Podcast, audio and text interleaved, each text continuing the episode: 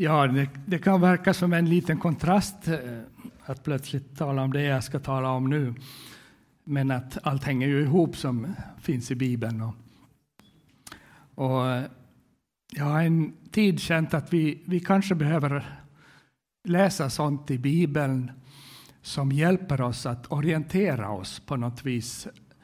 Vi, vi lever i en tid där det händer väldigt mycket och ibland undrar vi var, var säger Bibeln att vi finns mitt i det här? Och vad ska hända sen?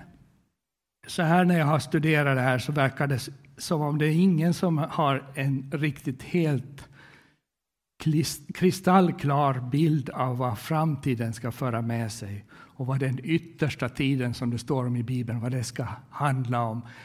Hur allting hänger ihop. Jag har inte hittat någon som har en riktigt klar bild av det. Och inte har jag heller. Och inte hade Paulus det heller. Han skriver att när det fullkomliga är här kommer vi att förstå. Då kommer jag att bli känd. Då kommer jag känna så som jag själv har blivit känd. Men nu är allting som en, vi ser som i en dunkel spegel. Och det gäller nog särskilt när vi tittar framåt. Liksom. Vad ska hända? En teolog som heter N.T.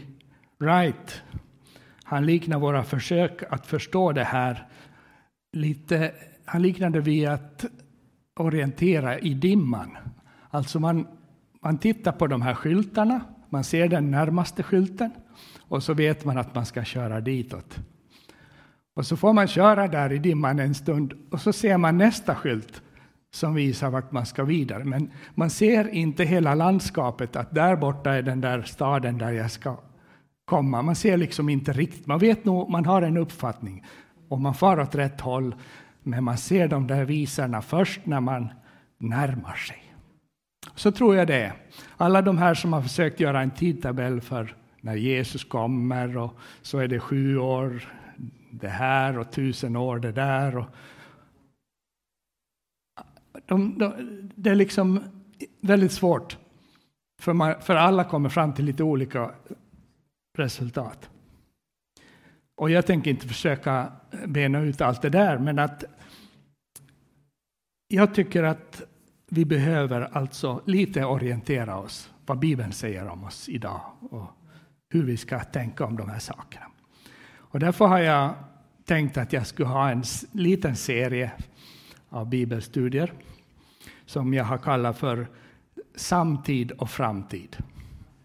Vi behöver känna tiden vi lever i, men också vart vi är på väg. Och särskilt vill jag på något vis försöka koncentrera mig på det här bibliska perspektivet. Hur påverkar det hur jag tänker just idag? För det är ju ingen vits att jag har en massa teorier om hur det ska gå, hur det ska vara, hur det är. Om det inte berör mig, att, att mitt liv på något vis berörs av det här. Då blir det bara en sån här teologisk någon slags utsvävning. Men Gud han har ju inte tappat greppet om, vår, om historien. I Uppenbarelseboken 1 och 8 så står det att jag är O, säger Herr, jag är A och O, säger Herren Gud, han som är och som var och som kommer, den allsmäktige. Samtid och framtid. Och idag ska jag prata om väntans tider. Väntans tider. Ni som har väntat barn vet vad väntans tider är. Och den tid vi lever i, den är på något vis väntans tid. Eh, om man ska orientera sig någonstans så behöver man veta var finns jag idag och vart är jag på väg. Om man inte vet var man är så vet man inte heller hur man kommer dit man ska. Och vi ska läsa ett ord ifrån Apostlagärningarna 1 och 10 till och med 12. Då när Jesus får upp till himlen så står det så här Medan de såg mot himlen dit han steg upp stod plötsligt två män i vita kläder hos dem. De sa, Galileer, varför står ni och ser mot himlen?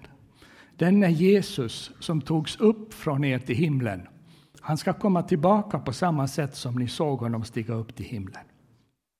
Då vände de tillbaka till Jerusalem från berget som kallas Olivberget och ligger nära staden, en sabbatsväg därifrån. Kristus har enligt Bibeln dött för oss, uppstått och farit upp till himlen. Han ska också komma tillbaka.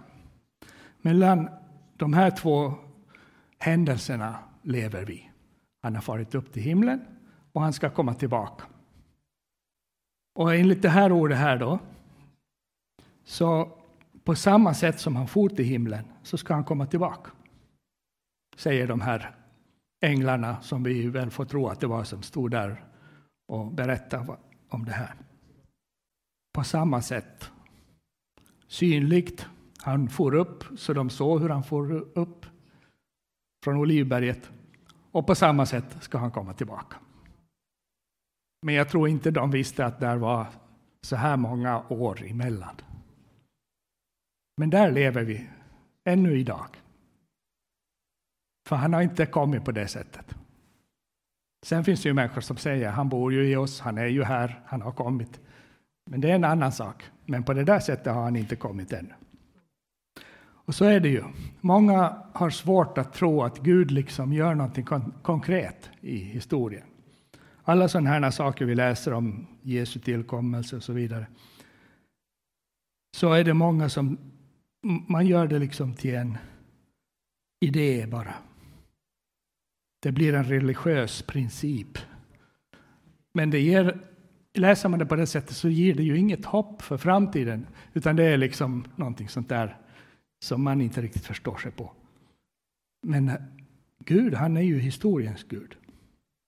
Jag tror, precis som lärjungarna, på att Jesus, han stod upp ur graven med sin kropp. Det var inte liksom någon sån här svävande andlig kropplös sak. Graven var tom. Där hade han legat och så var graven tom.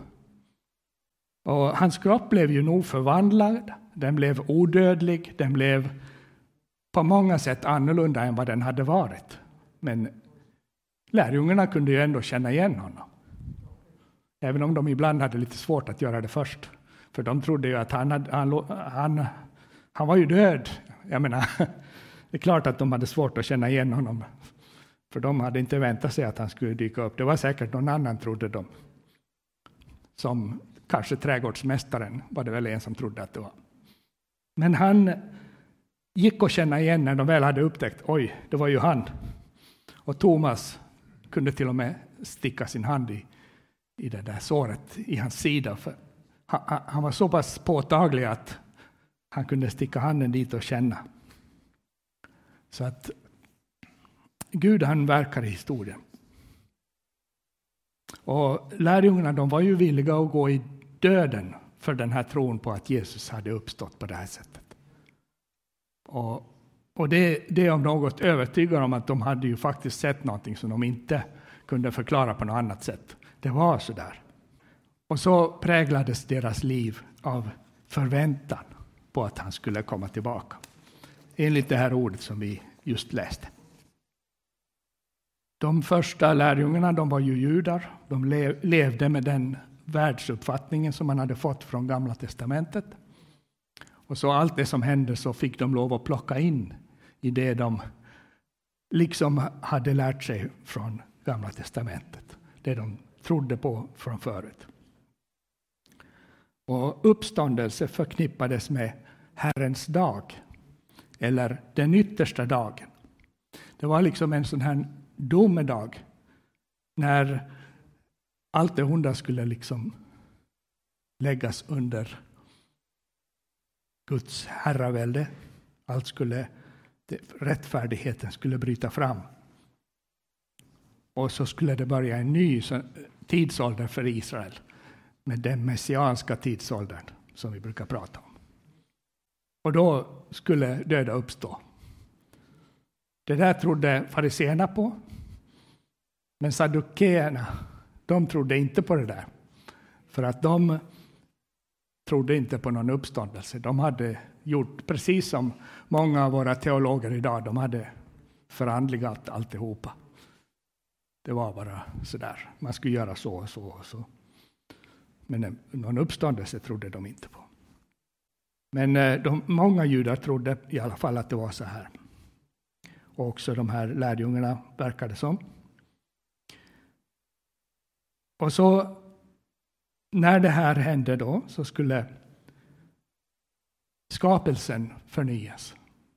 Vi läser i Jesaja 11 en väldigt fin beskrivning om hur det skulle vara när, när Messias regerar. Det kan ni läsa någon gång. Jag tar det inte den här gången för att det blir jättelångt. Men det, var, det är ett underbart kapitel. Och så står det att hedningarna skulle söka telningen av Isais rot, det vill säga Jesus som kommer från Isais och Davids släkt. Och det är det som ju faktiskt har hänt. Du och jag har sökt honom, eller hur? Så i en mening har det här hänt.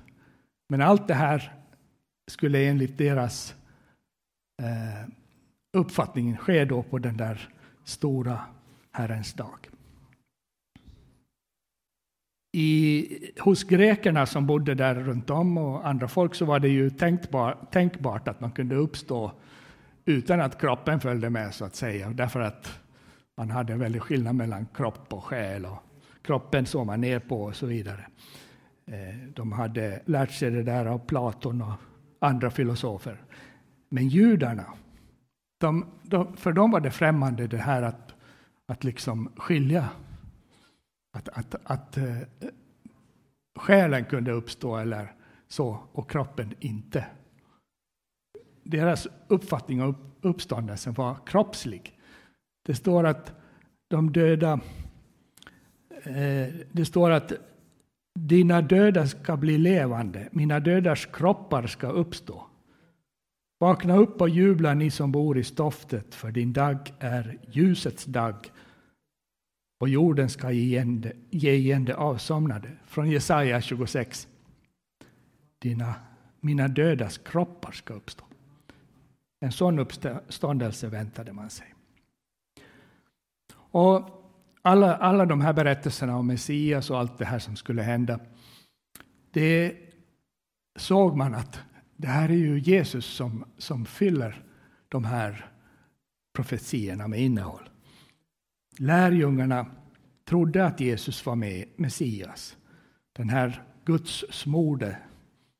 Messias betyder den smorde.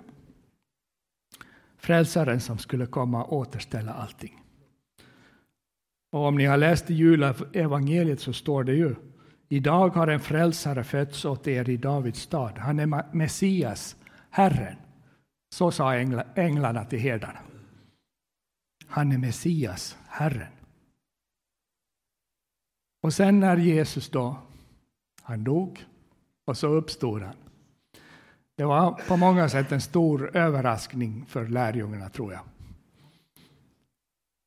Men det var också faktiskt en bekräftelse på att han var Messias.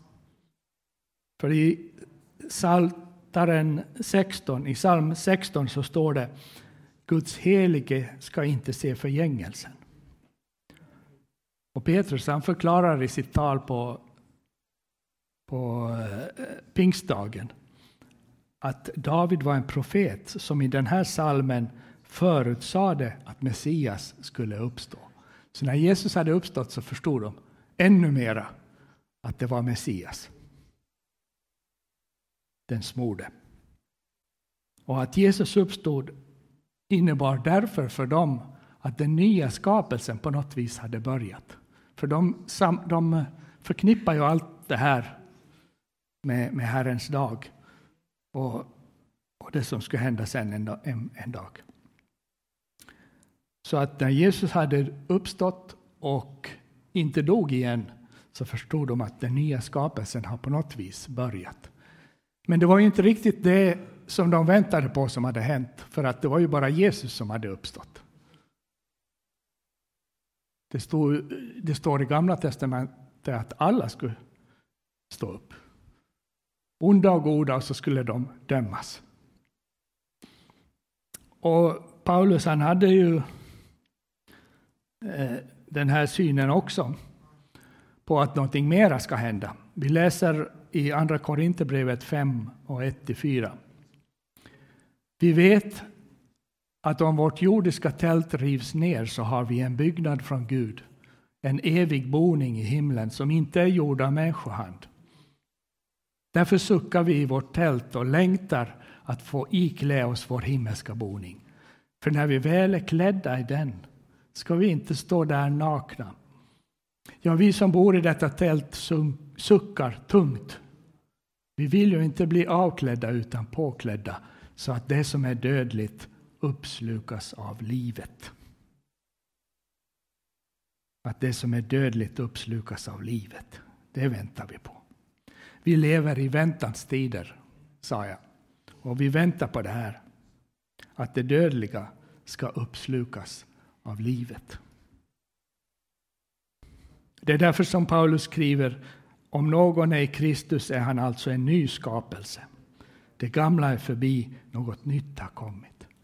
Alltså den där nya skapelsen har börjat inom den som tar emot Jesus. Paulus säger vidare i Romarbrevet 6, 3-4.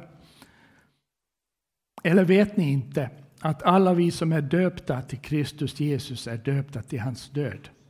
Vi är begravda med honom genom dopet till döden för att leva det nya livet, liksom Kristus är uppväckt från de döda genom Faderns härlighet. Vi är begravda med honom genom dopet och så har vi uppstått med honom. Och därför så, så finns den här uppståndelsekraften redan i, i, i, oss som tror. Och så ser vi i Romarbrevet 8 och 19 också, så skriver han Själva skapelsen väntar och längtar efter att Guds barn ska uppenbaras. Nu är vi inte så uppenbara. Äh, det där livet, det finns här inne. Men en dag så kommer det uppenbaras. När Jesus kommer tillbaka så då kommer det där livet fram så att hela skapelsen får del av det. Vi vill, det, det är de här sakerna vi väntar på. Jesu uppståndelse var alltså en försmak av vad hans folk och hela skapelsen ska få del av när han kommer igen. Det vill säga när den där nya messianska tidsåldern bryter in på allvar. Paulus säger i Första Korinthierbrevet 10 och 11 att vi har världens slut in på oss. Så är det översatt, översatt i, i min bibel. Men eh, ordet som har översatts världen kan också översättas tidsålder. Det vill säga, vi har tidsålderns slut in på oss. Och det här rimmar väldigt bra med det sätt som man såg eh, judarna såg på, på den, den världsbild de hade, att det var den nuvarande tidsåldern, den skulle ta slut och så börjar den messianska tidsåldern. Och Paulus säger att den är på väg att ta slut, den här nuvarande. De nuvarande tingens ordning håller på att försvinna. Och det behöver vi ta hänsyn till. Vi läser vidare med Paulus i Första Korinthierbrevet 7, vers 29 31. Men det säger jag bröder, tiden är kort. Nu måste även de som har hustru leva som om de inte hade det, och de som gråter som om de inte grät, och de som är glada som om de inte var det. De som köper något som om de inte fick behålla det, och de som brukar den här världen som om de inte brukade den. Den här världens ordning går nämligen mot sin undergång. Fortfarande det här tänket, den här världens ordning, den här tidsåldern håller på att ta slut. Den är på sista versen. Den har varit ganska lång den här sista versen, men den tar slut en dag. Vi väntar på en, den ordning som är bestående. Det här tar slut, men så kommer det en ny ordning som blir bestående. Och vi gör väl i att fokusera på det som har värde inför evigheten. Även om vi tar, tar emot det goda som Gud redan har gett oss. Alltså jag tror ju inte att Paulus menar att vi ska strunta i att vi har en hustru eller man. Eh, vi ska inte vara helt likgiltiga för alla saker omkring oss. Jag tror inte det är poängen med den här versen som vi läste. Men det är att i förhållande till det eviga så är det här ju en väldigt kort tid som vi har allt det där. Och den tiden ska vi använda på rätt sätt för att den evigheten är så mycket viktigare på det sättet. Att det, där kommer vi ju tillbringa ja, för evigt. Och livet i väntan på Jesus, att han ska komma tillbaks, det är ju inte alltid så lätt det här livet. Det händer väldigt mycket svåra saker. Men om vi håller ut i, i lidanden och eventuella förföljelser så väntar någonting mycket bättre än den här världens ordning när vi har kommit igenom. Paulus säger igen i Andra Korinthierbrevet 4 och 16 till och med 18. Därför ger vi inte upp. Även om vår yttre människa bryts ner förnyas vår inre människa dag för dag. Vår nöd som är kortvarig och väger lätt bereder åt oss en väldig och överväldigande härlighet som väger tungt och varar för evigt. Vi riktar inte blicken mot det synliga utan mot det osynliga. Det synliga är förgängligt, men det osynliga är evigt. Vår kamp i livet består väldigt mycket av att hålla blicken riktad mot rätt saker. Det där som vi läste om i den förra versen vi läste, det är ju helt normala saker som är runt om oss. Vi köper hus och vi, vi, vi, vi är glada och vi gifter oss. Och, och, och, och, och det är många andra saker som händer. Men det väger ju ganska lätt ändå. Och därför behöver vi hålla blicken Samtidigt som vi är med om allt det här fina här på jorden så behöver vi hålla blicken på det osynliga. Och det är väldigt lätt att det som är bra här i livet, det tar plötsligt leder det bort vår blick ifrån det osynliga. För det här som är här syns ju och det pockar på vår uppmärksamhet. Men Paulus säger att vi håller blicken på det som är osynligt. Det som kommer. Vår kamp består kanske i att hålla blicken på de här sakerna. Tron, hoppet och kärleken. Paulus säger att det är det som kommer att bestå. Det är sådana här osynliga saker som kommer att bestå. Men våra liv, när de präglas av tro, hopp och kärlek, då har vi någonting i livet som består. Också när vi dör, när vår kropp börjar bli skröplig, jag är 60 år, jag vet att det händer. Jag vet det helt påtagligt. Jag kan inte springa lika fort som förr. Jag blir trött av de mest konstiga anledningar. Jag förstår att min kropp den bryts sakta ner. Och vetenskapen säger ju det att egentligen så håller vi på att åldras nästan ända sedan vi föds. Den här kroppen kommer inte att hänga med hur länge som helst. Jag är glad för alla ni som har hängt med länge. Jag undrar nog om jag hänger med så länge. Men att så är det. Vår, vår yttre människa bryts ändå ner så småningom. Men då är det bra att vi har det här som varar för evigt, som väger tungt. Det kan vi rikta blicken mot. Bevara tron, hoppet och kärleken. Paulus han sa ju det att jag har kämpat den goda kampen jag har fullbordat loppet, jag har bevarat tron. Tänk, det som han jublade över när han stod inför slutet av sitt liv, det var inte att han oj, har startat si och så många församlingar. Och så, han kunde räkna kanske hur många som hade blivit frälsta när han arbetade. Det var inte det, utan det var jag har bevarat tron. Det osynliga höll han blicken på. Det är viktigt. Nå, hur, är, hur är det med dig och mig? Vi vet att Jesus kommer tillbaka. Tänker vi på det? Är det viktigt för oss? Och borde det vara viktigt för oss? Vi läser mera Paulus, första Korinthierbrevet 15, vers 50-57. Se, jag säger er en hemlighet.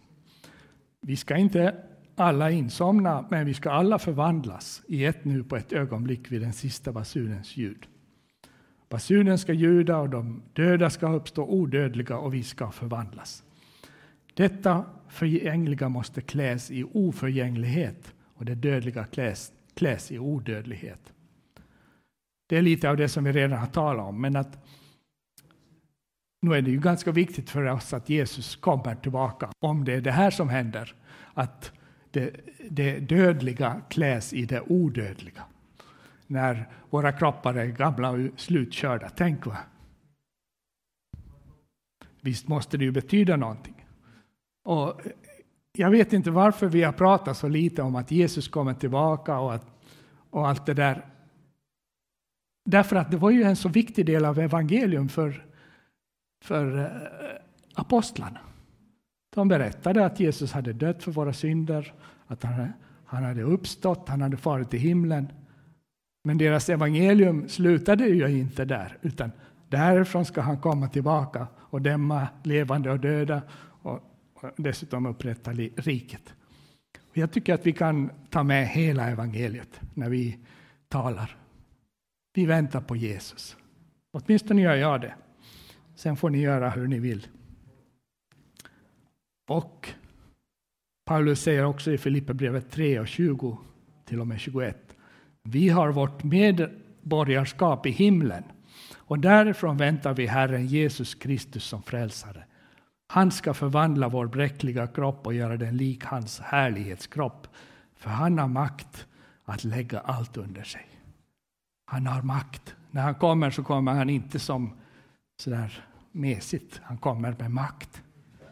Och han förvandlar allting. Det är det vi, det, det är det vi har att hoppas på. Därför ska vi tala om att Jesus kommer tillbaka. Och Jesu återkomst, det är någonting att vänta på för alla som tror på honom. Andra Timoteusbrevet 4 och 7 till och med 8 säger jag har kämpat den goda kampen, jag har fullbordat loppet, jag har bevarat tron. Nu väntar mig rättfärdighetens segerkrans. Den ska Herren, den rättfärdige domaren, ge mig på den dagen. Och inte bara mig, utan alla som älskar hans återkomst. Älskar du hans återkomst? Då är du en av dem som ska få segerkrans. Faktiskt, jag har inte alltid riktigt kunnat älska hans återkomst. För när, när man predikade om det här när jag var ett barn och tonåring så gjorde man det på ett sådant sätt att jag var inte säker på att jag faktiskt ville att han skulle komma just nu. För att man predikade på det sättet att om man hade slintat lite, gjort en liten fel grej, bråkat lite med brorsan eller något sånt där, och han kom så, pju, så fick man inte följa med. Så predikades det ibland faktiskt. Åtminstone uppfattade jag det med min 13-14-åriga hjärna. Att man predikade det på det sättet. Då tänkte jag, vill jag att Jesus kommer tillbaka? Och så läste jag det här då. Alla som jag älskar hans återkomst. Så tänkte jag, Nej, men kära någon, då är ju inte jag liksom en som ska få den där segerkransen. För jag är inte säker på att jag gillar hans återkomst. Tänk om jag just har sagt något fult åt brorsan och så kommer han. Men så är det inte. Jag ska bara upplysa er om att även om du har slintat och även om du har misslyckats, till och med om du har gjort grova saker, men, det, men du har förlitat dig på det som Jesus har gjort på korset. Han har dött för din synd. Han har uppstått för dig för att du ska leva. Om du håller fast vid det, då kan du älska Jesu återkomst. Det ska jag lova dig. För det är det mest underbara som kan hända. Vi, vi får inte gå till det att, att vi, vi, vi liksom ska klara det för att komma med när Jesus kommer för att få vara med om det roliga Det är inte så. Utan det beror mera på var vi har vår, vad vi förlitar oss på. Vi ska inte förlita oss på att vi kan göra det så jättebra allting. Vi ska förlita oss på att Jesus har gjort det fullkomligt för oss. Där är det.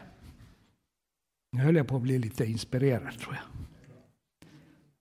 Förr i tiden sa de halleluja ibland. ja. Nu måste jag säga att jag hittar tillbaka till manuset. Ja, här står om Herren, den rättfärdige domaren, läste vi. Och det är ett uttryck som kommer från Jesaja 11, det där kapitlet som jag sa berättar så fint om vad som ska hända i, i framtiden för när, när riket upprättas. Den rättfärdige domaren ska komma för att döma världen och så ge segerkransen till sina trogna. Jag är väldigt glad för att det står den rättfärdige domaren. Vi tycker inte överhuvudtaget för det mesta om att höra om domaren. Vi, tycker det är, oj, det ska vi tala tyst om, domen. Men för judarna så var det ett ganska positivt uttryck, därför att Gud skulle göra slut på det onda och upprätta det goda. Det var det som domen gick ut på. Och han är en rättfärdig domare. Då behöver vi inte vara rädda heller att, att, att vi har visserligen försökt så gott vi kunde, men så, kun, så klarar vi det inte och så kommer han vet ni, och dömer. Så är det inte. Han vet precis vad han gör. Ingen ska efteråt kunna säga att nu dömde han fel. Det är inte som på ishockeymatcherna där man tar fram målkameran och så ser man att det var nog mål fast domaren sa att det inte var det. Nej, där finns ingenstans, ingen som kan säga någonting. Han är den rättfärdige domaren. Våra liv behöver levas i ljuset av att Jesus kommer tillbaka. det får till följd att vi håller fast vid evangeliet. Han har gjort det för oss. Han kommer tillbaka. Och då ska det visa sig att jag har uppstått med honom. Jesus ska göra slut på varje välde, makt och kraft inklusive den sista fienden som är döden. Så säger Paulus. De som lever och är kvar och är i tron när Jesus kommer ska förvandlas och bli som Jesus var efter uppståndelsen. Odödlig. odödlig. Visst, vi, vi, vi tvekar lite för det här med den här rättfärdige domaren fortfarande, för att det finns ju ändå en dubbel utgång. Man kan inte prata om det här utan att säga att det finns en dubbel utgång. Jesus säger att en del inte får vara med på festen. Jag skulle önska att jag inte behövde säga det här, men så är det. Det finns de som inte får vara med på festen. Jesus säger till dem att man ska gråta och skära tänder. Vad som riktigt händer, det vet jag inte. Och jag tror inte att vi nu ska plocka fram bilden från medeltiden av de flammande lågorna. Det är en bild, men vad det är bild på, det vet jag inte riktigt. Men att jag tror i alla fall att det innebär att man inte får någon segerkrans. För det var ju den rättfärdige domaren skulle ge segerkransen åt den som har hållit ut. Vi får överlämna det där åt, åt framtiden, men det inspirerar oss att leva med hoppet inom oss, att älska hans återkomst, att hålla fast vid tron. Jag sa förut att vi håller blicken på det osynliga. Och nu finns det ju de som har uppfattat det som att man sitter och gör ingenting och, och, och, och tittar liksom. Och är passiv. Det här väntandet som vi håller på med. Jag vill vara tydlig med att det innebär inte att vi bara sitter. Det finns ju de som har gått upp på höga berg när de har räknat ut att Jesus skulle komma, så sitter de där. Det finns historiska händelser, sådana. Nej, den här väntan är aktiv. Kan man vara aktiv medan man väntar? lite multitask, multitasking, eller vad är det man säger? Vi både väntar och är aktiva. Vi kan vara fullt, ha vår blick riktad på det osynliga, men ändå vara aktiva i det synliga. För att det som vi ser i det osynliga, det får oss att göra någonting i det synliga. Vi kan förbereda för den nya tidsåldern som kommer. Första Petrus brev säger till och med att vi kan påskynda Herrens tillkommelse. Påskynda. Vi, vi kan göra någonting för det här. När vi blir inspirerade av Herren. Hur kan vi påskynda hans tillkommelse? Ja, jag brukar se det som det, så att apostlarna fick ju i uppdrag att göra alla folk till lärjungar. Och ju fortare vi gör det, desto fortare kommer väl Jesus? Är det inte så? Och när, när eh, Jesus räknade upp de där tidstecknen så sa han ju också att evangelium ska predikas för allt skapat. Sen kommer slutet. Där kan vi vara med och påskynda hans tillkommelse. Där kan vi vara med att förbereda för att kungen kommer. Förutom att vi kan leva för honom redan här i tiden. Vi kan visa att det där livet finns inom oss. Vi kan leva enligt det här uppståndelselivet som finns i oss. Sista bibelordet, nästa, nej näst sista. Kolosserbrevet 1 och 4-5 så säger Paulus till kolosserna. Vi har hört om er tro på Kristus Jesus och om kärleken som ni har till alla de heliga på grund av hoppet som väntar er i himlen. Detta hopp har ni redan hört om i sanningens ord, evangeliet. Lägg märke till att han säger att både tro och kärlek kommer som en följd av hoppet som väntar. När vi, när vi hoppas på det här så fylls våra hjärtan med tro och kärlek. Och det brukar vanligtvis leda till, till någonting aktivt. När man tror på någonting så gör man någonting. Och när man älskar, hur kan man låta bli att göra någonting för, för människorna runt om? Och för alla de heliga. Jag tycker det är väldigt fantastiskt att Paulus lägger ihop det här på det här sättet. Att på grund av hoppet som väntar er i himlen så gör ni allt det här. Det är inte passivt. Det ger oss initiativkraft att göra det goda. Därför så ska jag avsluta med ett Paulusord i Första Korinthierbrevet 15 och 58. Jag tycker om det här. Stå därför fasta och orubbliga, mina älskade bröder och systrar, och arbeta alltid hängivet för Herren. Ni vet ju att er möda i Herren inte är förgäves. Och det här säger han efter att han har pratat om det dödas uppståndelse och allt det härliga som ska hända. Så att Paulus kopplar faktiskt det här ihop. Arbeta alltid hängivet för Herren. Ni vet ju att er möda i Herren inte är förgäves. Det vi gör för Herren, det följer med oss också på andra sidan. När vi lägger ner vandringsstaven, om vi dör innan han kommer eller om vi förvandlas när han kommer, så finns det med det här som vi har gjort i Herren, som vi har gjort på grund av att den heliga Ande har, har, har, har drivit oss att göra det. På grund av hoppen, hoppet. Ni vet ju att er möda i Herren inte är förgäves. Det här var några tankar. En del tycker kanske det är spridda tankar. Men jag har blivit väldigt inspirerad av att läsa om det här. Och nästa avsnitt i den här serien så kommer jag ta upp tidens tecken. Tidens tecken, det finns sådana också. Eh, hur vi ska förhålla oss till tidens tecken. Det är inte några lätta saker att förstå sig på, men jag tycker att jag vill läsa det som på något vis ändå kan inspirera oss och, och veta var vi står och vart vi är på väg. Så det blir nästa gång. Ska vi be.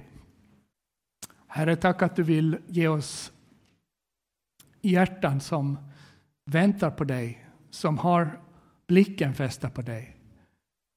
Att vi kan leva vårt liv på ett sådant sätt att det vi gör och lever här också har betydelse i evigheten.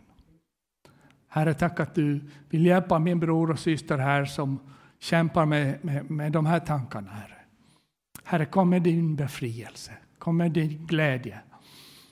Herre, kom med det här hoppet som får oss att leva på ett nytt sätt. Tack att du hör oss. I Jesu namn. Amen.